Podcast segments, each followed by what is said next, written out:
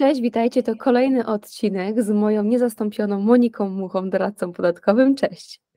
Cześć, witam Cię Olgo, bardzo dziękuję za ponowne zaproszenie. Bardzo mi przyjemnie tutaj z Tobą być na kanale. Wiesz, Monika, dzisiaj będziemy mówić o fundacjach non-profit. Wcześniej mówiłyśmy o, o tym, jak nie bać się skarbówki, jak sobie radzić w ogóle w takich swoich codziennych sprawach. Tutaj możecie sobie znaleźć u góry mm, odnośniki do tych y, odcinków. Następnie mówiłyśmy o fundacjach rodzinnych, a dzisiaj znowu słowo fundacja, ale totalnie inny twór, bo właśnie jakbyś mogła najpierw powiedzieć, czym jest ta fundacja non-profit. One się stają coraz bardziej popularne, no więc zacznijmy od tej nomenklatury. E, fundacja generalnie e, w polskiej regulacji prawnej jako podmiot niegospodarczy, może jako podmiot prawa już istnieje kilka e, dziesiąt w zasadzie lat i fundacje, tak jak powiedziałeś, non-profit, czy to są generalnie fundacje, które działają na polu charytatywnym. I my kojarzymy w większości Polacy fundacje z takim podmiotem właśnie, który ma osobowość prawną i który działa charytatywnie w różnych aspektach życia społecznego i ona jest oparta głównie na ustawie o y, wolontariacie i działalności pożytku publicznego i ustawie o fundacjach. I tam mamy szereg, powiedziałabym, takich dziedzin, w których te fundacje działają, które mogą realizować. Y, dlaczego non-profit? Dlatego, że one generalnie nie są nastawione na zysk. Czyli to nie jest coś takiego jak spółka ZOO, która jest podmiotem typowo gospodarczym, gdzie ma realizować jednak zyski, dąży, dąży do, do określonych zadań, że tak powiem, gospodarczych. Fundacje non-profit właśnie są po to, żeby wspierać różnego rodzaju inicjatywy, e, dobra, mm, wspierać e, różnego rodzaju idee e, i działają właśnie non-profit, czyli bez celu osiągnięcia korzyści. One czasami prowadzą też działalność gospodarczą, ale generalnie po to, żeby z tej działalności zaspokoić potrzeby i cele, które chcą realizować. Mhm. Czyli mówimy, że one nie są nastawione na zysk. A co w momencie, jeżeli ktoś chce prowadzić jakąś działalność gospodarczą, chce, żeby miała zyski? E, ta, ta, Mówimy, jeśli fundacja ma prowadzić. Tak. E, powiem tak, fundacje generalnie, część z nich jest wpisywana też do rejestru przedsiębiorców, czy prowadzą działalność gospodarczą, ale one mają w celach statutowych wskazane, że wszystkie dochody czy zyski, które by osiągnęły również z działalności gospodarczej, przeznaczają na cele statutowe. E, I proszę, można sobie taką prostą rzecz wyobrazić. Na przykład mamy e, fundacje różnego rodzaju, przypuśćmy, wspierające e, osoby, które są, na przykład chorują onkologicznie, ja też z takimi fundacjami współpracuję. I dzieci na przykład rysują różnego rodzaju obrazki też, te, które na przykład chorują i te obrazki są po prostu sprzedawane. Mogą też jakieś My często widzimy, prawda, e, są jakieś e, takie gadżety, ale one, to też jest działalność gospodarcza, bo każdy podmiot może też takie rzeczy sprzedawać, ale ten dochód generalnie, czy ten zysk z, tej, z tych sprzedaży jest traktowany właśnie tak, jak przeznaczony na działalność statutową, czy na wspieranie tych celów, które fundacja aktualnie realizuje. Ale nie wszystkie fundacje prowadzą działalność gospodarczą. Większość z nich jest jednak powołana po to, żeby prowadzić działalność statutową. Ona się dzieli na odpłatną lub nieodpłatną ale generalnie funkcjonują i jakby żyją te fundacje darowizn i te darowizny też są przeznaczone na cele statutowe. E, więc mogą być, większe fundacje, zauważyłam, mają częściej tę działalność gospodarczą, bo one po prostu już rozrastają i, jest taka potrzeba, nawet potrzeba, no wyobraźmy sobie taką sytuację, że mamy licytację na przykład, zbieramy jakieś um, fajne przedmioty na taką licytację, nam, da, mamy darczyńców, którzy dają obrazy, jakieś koszulki sportowców, bo sama brałam udział ostatnio w takiej, takiej akcji charytatywnej, więc wystaraliśmy się o różnego rodzaju, jak my to nazywaliśmy generalnie gadżety i te gadżety były sprzedane w drodze licytacji. Czyli kto da więcej, to też jest sprzedaż. Wtedy można będzie też prowadzić działalność gospodarczą, ale właśnie e, ta sprzedaż ma na celu zasilić konto fundacji, to, żeby realizowała swoje cele statutowe i wspierała te idee i te cele, do których została mm, e, powołana. A jakie musi mieć fundacja dokumenty, raporty do przedstawienia, e, żeby właśnie udowadniać to, czym się zajmuje? Inaczej, fundacja mm, jest podmiotem e, prawnym, czyli osobą prawną, czyli prowadzi księgi tak naprawdę jak każdy inny podmiot tego typu, ale tak jak powiedziałaś, ona musi mieć jakby tą papierologię taką, bym powiedziała, szerszą. Czyli teraz tak, e, jeśli fundacja chciałaby skorzystać z zwolnienia w podatku dochodowym od osób prawnych, które wyraźnie wskazuje, że jeżeli ma mm, przychody i przeznaczy je na cele statutowe, no to nie zapłaci od tego e, podatku. To fundacja musi tak naprawdę udokumentować swoje wszystkie wydatki. One muszą być szczegółowo analizowane pod kątem mm, tego, czy ten wydatek służy tej działalności fundacyjnej. Więc jeżeli otrzymuje darowizny, musi mieć umowę darowizny po prostu. Jeżeli ona przeznacza też takie darowizny, na przykład wspiera osoby, które mm, są chore i płaci im za leczenie, tak? no to musi mieć też te faktury, które są wystawiane mm, za leczenie tych osób, które opłaca. Więc to muszą też szczegółowo opisane, czego dotyczą. Jeśli fundacja na przykład, załóżmy, wspiera osoby, które y, żywnościowo. Tak, to znam taką fundację, która gotuje obiady i przeznacza dla, dla osób, które, mm, które nie stać na zakupienie takiego obiadu, no to wtedy ma te wydania, tak, poświadczające, że te osoby te obiady przyjmują, czyli znowu wszystko, co otrzymali, y, gotują z tego obiady, i przekazują tym osobom potrzebującym. Więc mm, ta, ta cała dokumentacja rzeczywiście jest wymagana w bardziej szczegółowy sposób. Jeżeli na przykład fundacja też czasami też wykonuje takie usługi, bym powiedziała, sponsoringowe, czy na przykład jakaś jakiś podmiot gospodarczy który mówi, dobrze, ja Państwa zasilę y, tutaj jakimiś środkami, ale chciałbym, żeby na moje logo było eksponowane jako tego sponsora, no wtedy mamy tak zwaną usługę sponsoringu tak naprawdę i też musi być do tego umowa. Więc y, fundacjach te wydania szczególnie są ważne, żeby udowodnić, że były na cele statutowe. Przypuśćmy, że fundacja może też mm, kupować na przykład jakieś środki opatrunkowe czy leki, no to też musi dokładnie rozpisać, wskazać komu te, e, te rzeczy były przeznaczone, żeby było wiadomo, że ten cel po prostu jest realizowany. Jeżeli mamy fundację, która e, edukuje, tak, na przykład jakąś, przypuśćmy, ekologiczną edukację prowadzi, to też przypuśćmy, żeby jakieś warsztaty, materiały, wydawała dzieciom, dorosłym, no to też musi udokumentować, że to właśnie było na ten, na ten cel przeznaczone. No właśnie, a propos darowizn, mam tutaj takie pytanie, jakie są regulacje odnośnie darowizn otrzymywanych przez fundacje non-profit? Czy są one zwolnione z podatku? No właśnie, Właśnie to, to, to jest to, co jest najciekawsze, bym powiedziała. Jesteśmy w takim okresie, że mamy koniec roku, jesteśmy w połowie grudnia i warto się nad tymi fundacjami pochylić, bo tak naprawdę większość przedsiębiorców może skorzystać przy okazji dobrego serducha, tak, z, z, tego, mm, z tej ulgi takiej podatkowej, która jest przeznaczona właśnie e, na te darowizny, które dajemy do tych fundacji, czy generalnie do działalności non-profit. E, często fundacje o tym nie wiedzą albo nie informują mm, osoby czy podmioty, które chciałyby, od których chciałyby uzyskać jakieś środki pieniężne, czy nawet inne rzeczowe, i e, nie wiemy do końca, czy możemy z tego skorzystać, więc czasami na tym po prostu tracimy, bo e, fundacja jakby nie ma siły przebicia. Więc warto, żeby pamiętały fundacje o tym, że w systemie polskim jest przewidziana taka ulga na te darowizny dla mm, fundacji non-profit w podatku dochodowym od osób prawnych, to jest 10% podstawy opodatkowania. Czyli jeżeli spółka generuje zona dochód y, milion złotych, to te 100 tysięcy, gdyby przekazała jako 10%, na cele fundacyjne, to 100 tysięcy nie zapłaci podatku. Czy te 100 tysięcy trafi jakby z podatkiem do fundacji, a nie do budżetu. Więc 10% podstawy podatkowania. Ważne jest, żeby w roku, z którego chcemy skorzystać z tej ulgi, e, te pieniądze wydać tej fundacji, czy przekazać. Więc dzisiaj mamy właśnie połowę grudnia, warto jeszcze o tym pomyśleć. E, fundacje zaprzyjaźnione, fundacje najczęściej, mamy fundacje albo idee, które, które nam są bliskie, chcemy je wspierać.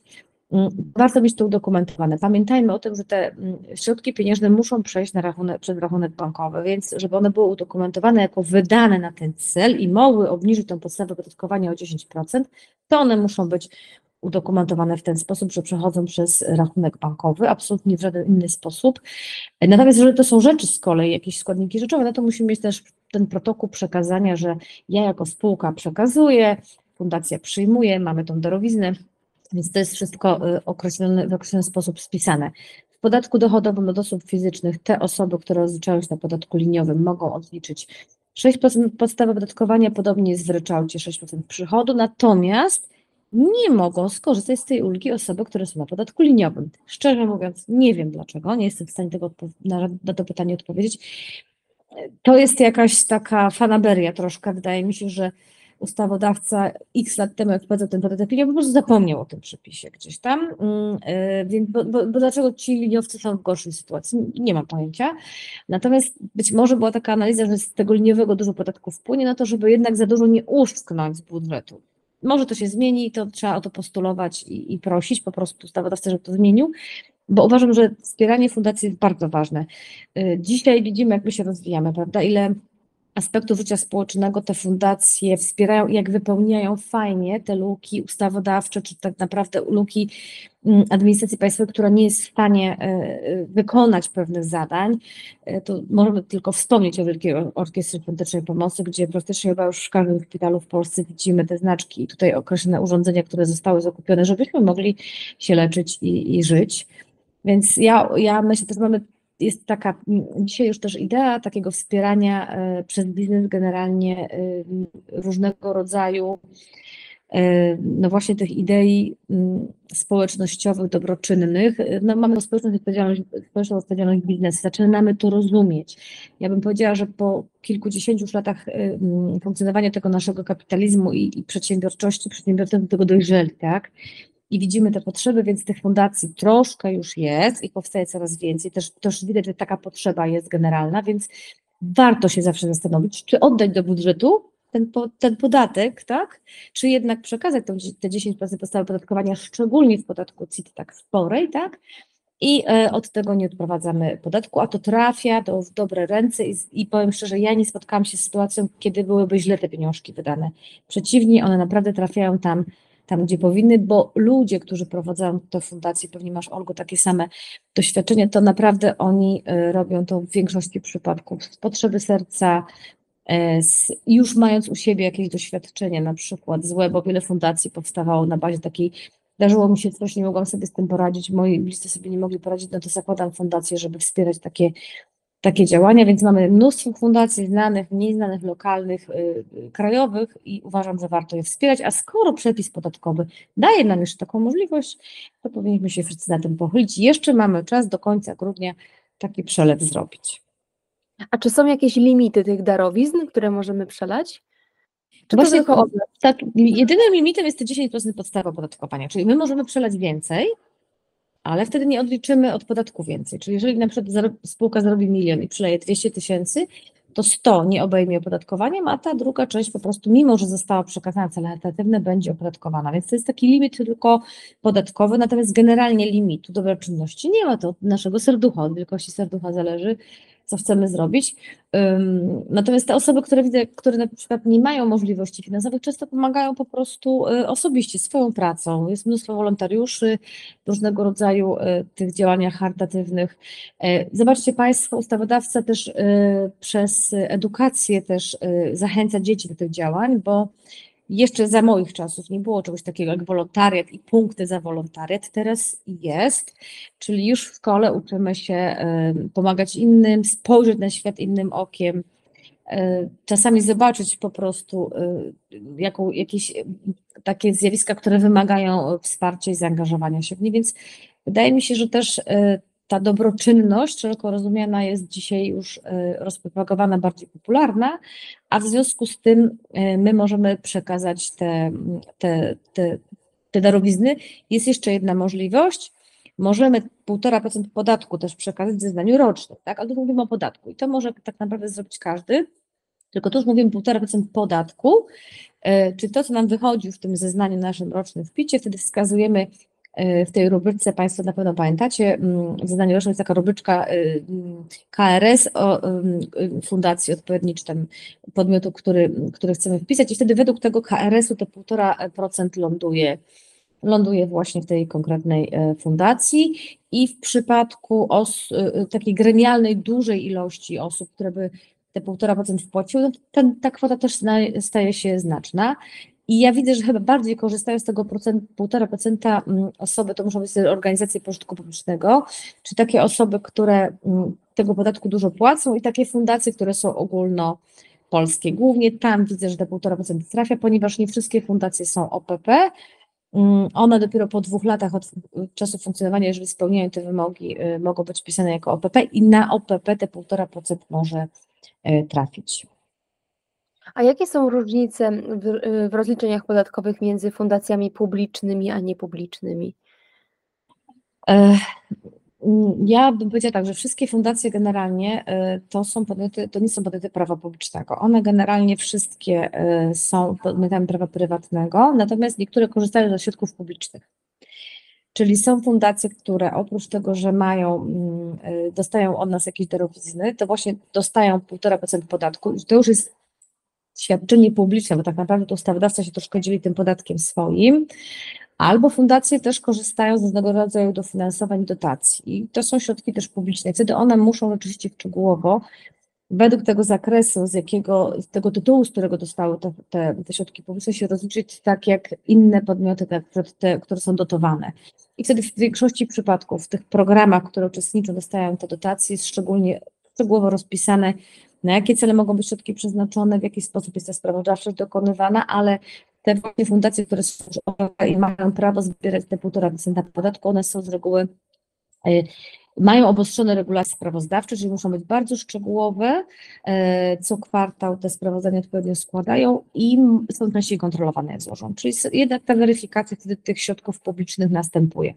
Natomiast te fundacje, które nie są OPP, nie zbierają 1,5%, ewentualnie nie zbierają, nie, nie, nie mają też dotacji publicznych, tylko działają na bazie darowizn naszych, i spółek, czy podmiotów gospodarczych i osób dobrej, e, ludzi dobrej woli, jak to się mówi, no to one też mogą być oczywiście weryfikowane i kontrolowane, ale tak naprawdę składają raz do roku zeznanie e, roczne i e, podatkowe typowe i to jest, to jest wszystko. Jak już wchodzimy w programy jakieś dotacyjne, wchodzimy w podatek, to wtedy mamy obostrzoną tą regulację sprawozdawczą.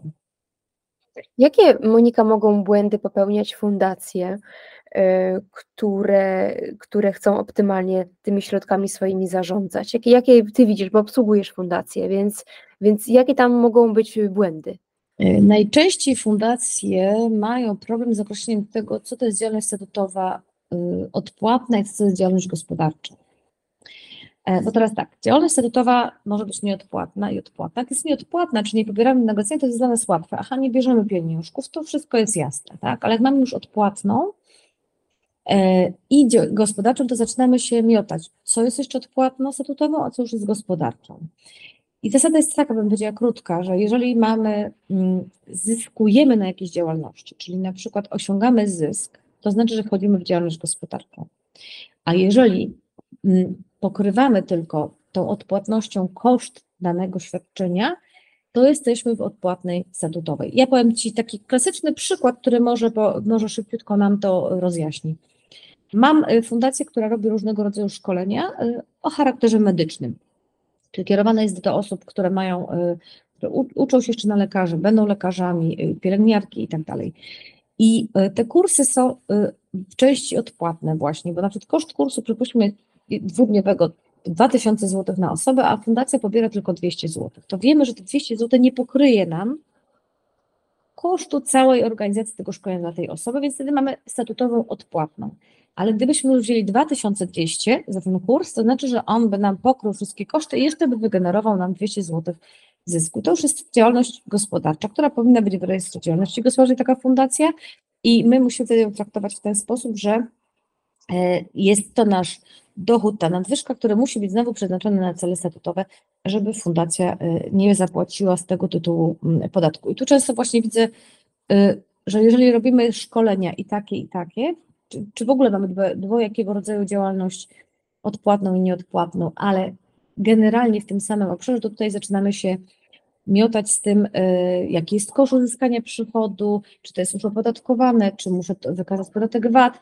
więc tutaj fundacje mają taki rozjazd. Jeżeli prowadzą tylko statutową bez tej typowej gospodarczej, to, to tu mamy mniej problemów, ale jak one się rozrastają, zaczynają coraz więcej inicjatyw podejmować, na przykład te licytacje, tak, co to jest, to jest pytanie, czy to jest statutowa odpłatna, czy to jest gospodarcza, no już wchodzimy w kategorię gospodarczej, więc te pomysły, które mają generować y, środki dla tej fundacji, wspieranie tych, tych y, określonych idei, czasami nie potrafimy przełożyć właśnie na skutki takie typowo też podatkowe.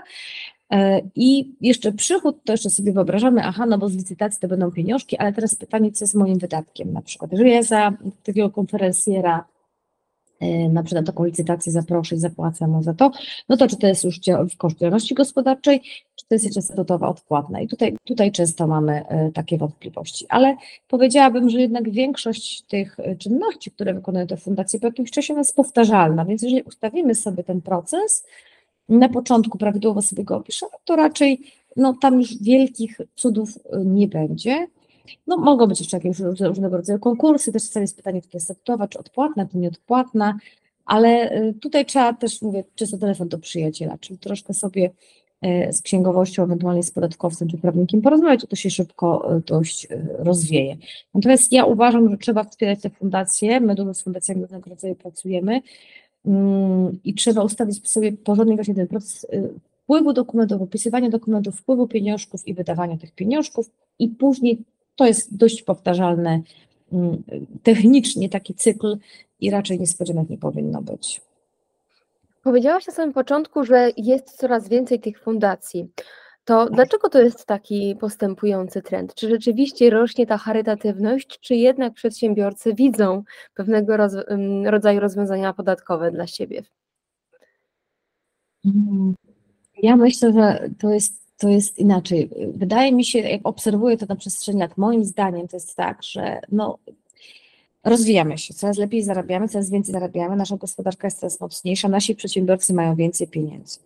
Jeżeli oni jeszcze jakiś czas temu głównie byli skupieni na, na tym, żeby zarobić, tak, żeby spółka, w ogóle firma utrzymała się, to dzisiaj mamy nadwyżki i mm, te działania charytatywne podejmują też ludzie, y, którzy widzą taką potrzebę, niszę, brak jakiegoś zaopiekowania się jakimś zagadnieniem i gdzie oni wtedy się zwracają po te, po te wpłaty do rodziny, do, do różnego rodzaju przedsiębiorców i spółek. I ci przedsiębiorcy mówią tak, no tak, mamy nadwyżkę, chętnie damy, ale wolelibyśmy już dawać na jakiś mm, cel zorganizowany i mieć pewność, że to jest dobrze wydane, niż po prostu dawać osobom prywatnym, które do końca nie wiemy czasami, co mogą z tym zrobić. Ja teraz słyszę też jak mamy taką, mm, mamy grupę przedsiębiorców, on ma grupę spółek, dany przedsiębiorca, czy rodzina ma grupę spółek i powstaje obok fundacja. I słyszę taki argument, no wie Pani, co chwilę ktoś do nas przychodził i mówił, że na to chce, na tamto chce, no my dajemy, ale też nie mamy właśnie do końca tego przekonania, że to poszło w właściwym kierunku, więc stwierdziliśmy, że już chyba lepiej założyć swoją fundację i na przykład wspierać te cele, które u nas się gdzieś e, lokalnie często e, generują, I wtedy mamy pewność, że to idzie we właściwe ręce, że jest prawidłowo spożytkowane, albo na przykład w naszej działalności widzimy pewien brak. Mam też taką, taki kontakt z takim przedsiębiorcą, który E, zajmuje się obrotem różnego rodzaju urządzeniami właśnie medycznymi i okazało się, że co z tego, że te urządzenia są, są kupowane, jak na przykład większość osób, które tymi urządzeniami powinno się posługiwać, nie potrafi się posługiwać, bo brakuje tego szkolenia gdzieś po drodze, tak? I mamy super jakiś sprzęt, ale on jest wykorzystywany na pół gwizdka.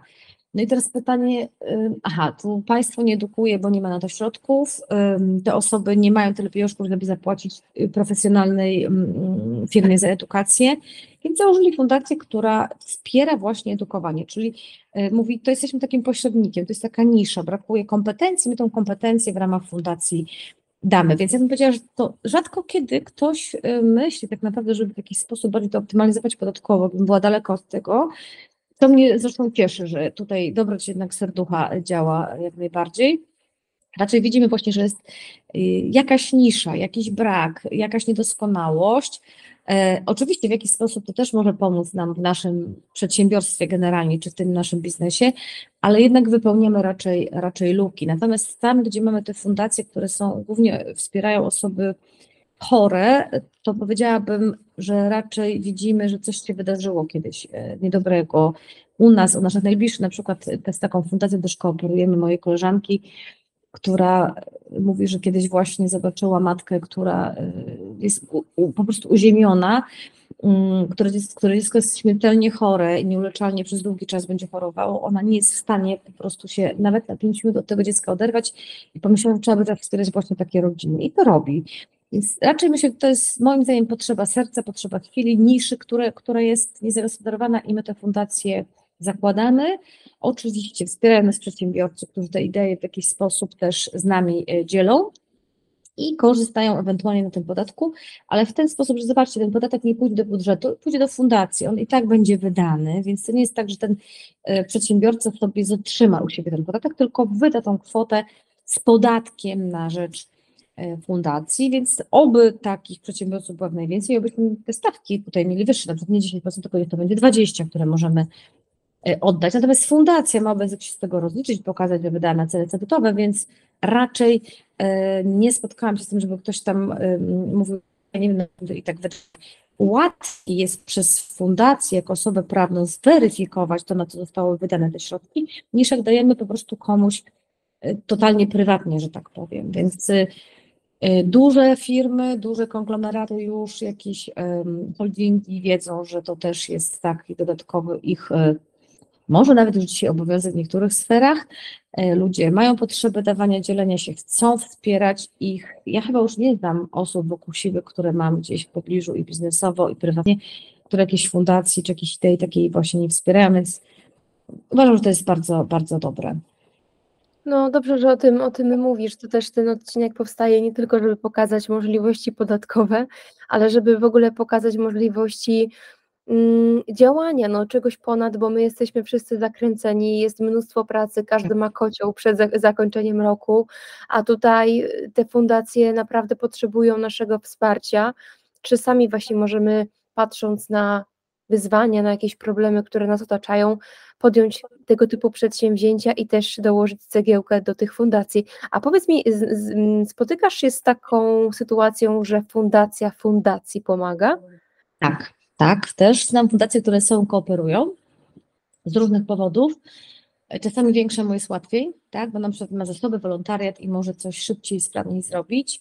Czasami większy potrzebuje do kooperacji mniejszego, bo na przykład jakąś niszową bardzo częścią tej jego działalności zajmuje się też inne fundacje, więc tak, kooperują ze sobą jak najbardziej. Zresztą nas pytają właśnie, a jak ja dam fundacji, to co będzie? Czy mogę? I teraz jak zadałeś to pytanie, to przyszło mi do głowy taka ważna rzecz dla fundacji, gdzie może każda z nich, bo, bo nie, zakładam, że nas nie tylko przedsiębiorcy będą słuchać, może fundacje też nas będą słuchały. Mm, najważniejszy jest statut, czyli ważne jest, żebyśmy w statucie, szczególnie fundacja prawidłowo określiła sobie cele i to jak, jak będzie działać, czy za, sposób działania, bo jeżeli ta fundacja nie wpisze, że może wspierać inne fundacje, no to wydając te pieniądze, można powiedzieć, że to nie będzie cel statutowy. I tutaj są takie dość duże restrykcje, więc fundacje są zwolnione z podatku dochodowego od osób prawnych, jeśli wydadzą pieniążki na cel statutowy. Więc jeżeli jakiegoś celu nie mają wpisanego w statucie, to mimo, że on będzie szczytny, to nie będą mogły skorzystać z tego zwolnienia. Czy oczywiście mogą wspierać, ale nie będą miały tego zwolnienia w podatku. Więc ja zawsze mówię, że statut jest dla mnie najważniejszy. My obsługujemy wiele fundacji i ona niektóre mówią, bo my robimy to i tamto, mamy to w naszych celach. Ja to chcę zobaczyć, bo y, w tych celach naprawdę musi być wpisane to, co realizujemy i tylko na te cele możemy wydać pieniążki. Ja Ci powiem taki przykład, jeszcze Olgo, wybuchła wojna 24 lutego 2022 roku i nie chcę, nie chcę Ci mówić, że 24, 5, 6 to po prostu ja miałam wariatkowo, mimo że to był czwartek, piątek, sobota, niedziela, my pracowaliśmy na okrągło u nas w podatkach, dzwonili właśnie klienci, dzwoniły fundacje i te, które już obsługiwaliśmy na stałe, i te, które były przy, jako fundacje przy naszych y, klientach, którzy mają fundacje w ramach swojego, swojej grupy spółek i, mm, i przy uczelniach, i mówiły, chcemy zrobić to szybciutko, jutro już wyjeżdża transport i czy możemy, czy to jest cel statutowy, tak? Czy, czy wydamy te środki tak, że nie będzie skutku fiskalnego. Więc myśmy te, te statuty analizowali i było bardzo różnie. Ponieważ nie było takich gwałtownych tematów, to one na co dzień robiły sobie różne rzeczy, na przykład wspierały edukację. Nagle się okazało, że chcą wysłać transport na granicę i zabrać ludzi, dać im jeść. I pytanie, czy mogą? No mogą, tylko czy to jest cel statutowy, tak? Więc te statuty są bardzo ważne i żeby ta świadomość fundacji, co ona tam w tym statucie ma i co naprawdę ona, na co ona wydając pieniądze może skorzystać z tego zwolnienia. I tu jest najczęstszy problem, więc ja mówię też, żeby ten statut pisać na przyszłość, nie na dziś, bo no właśnie zdarza się taka sytuacja, tak, której nikt nie planował, nie przewidział, nie? że spokojnie sobie zajmuje się edukacją ekologiczną i nagle chce część środków wydać na uchodźców. Tak? No, no, no to abstrakcja totalna, ale jeżeli ten statut będziemy potrafili elastycznie napisać, odpowiednio go y, mm, właśnie uszyć na, na miarę też przyszłych potrzeb możliwych, to będziemy mogli z tego dobrodziejstwa zwolnienia w podatku dochodowym y, korzystać. My takie statuty po właśnie, jak już wojna wybuchła, troszkę tam y, okrzepło to chwilkę, to po miesiącu właśnie odzywały się fundacje, wie Pani co, no to może jeszcze udoskonalimy, zmienimy, dostosujemy, zastanowimy się i tych zmian było w statutach dużo, więc jeżeli ma, fundacji nas słyszą, to ja proponuję, żebyście sobie Państwo po prostu przejrzeli też swoje statuty i zastanowili się, czy one już nie się nie zdezaktualizowały w jakiś sposób, albo czy nie trzeba je po prostu y, poprawić i uszyć na miarę dzisiejszych czasów, bo czasami fundacja ma 10 lat, czasami 20, czasami kilka, co innego planowaliśmy, inne rzeczy się po drodze wydarzyły i to jest ważne, bo wydatek tylko na cel statutowy jest zwolniony. Na cel niestatutowy, nawet szczytny, nie będzie podlegał zwolnieniu w podatku dochodowym od osób prawnych. Czyli z tego, co mówisz, to można zmienić statut. Oczywiście, że można, no ale dopiero od daty zmiany będziemy mieli nowe cele statutowe na przykład. Nie? Mhm. A jak często można zmieniać statut? To po prostu jest na zasadzie Nie ma ograniczenia, nie absolutnie. ma, nie ma ograniczenia. Czy coś jeszcze oprócz tego, co tutaj poruszyłyśmy, chciałabyś dodać do fundacji? Chciałabym tylko, żeby miały większe możliwości, czyli nasz ustawodawca z 1,5% może zrobić 2,5% i z 10% może 20% podstawę opodatkowania. E, Jeśli fundacje mają pytania, e, to ja chętnie na nie odpowiem. Mm, My z definicji mamy, mamy tak przyjęte u nas w kancelarii, że większość fundacji w ich problemach fundacyjnych wspieramy non-profit też, bo uważam, że to jest nasz sposób, w którym możemy się przyczynić do do, do, do wspierania tych idei, więc y, nasze fundacje to, to wiedzą, e, więc zapraszam do kontaktu. E, jeśli mają jakieś pytania, to chętnie na nie odpowiem. Mm, Natomiast y, no, jest taki czas, że życzę fundacjom, żeby przedsiębiorcy jeszcze chwilkę zastanowili, czy nie chcą część tego swojego dochodu właśnie bez podatku przekazać na, na, dla tych fundacji i e, wtedy powiem tak, robimy to troszkę, troszkę z własnego egoizmu, bo się po prostu wszyscy lepiej czujemy, więc chcę, żeby się wszyscy przedsiębiorcy lepiej poczuli i, i wiedzieli, że to serduszko u nich też pika. Taki prezent na święta, nie? Tak, Komuś, komu, komuś podarować.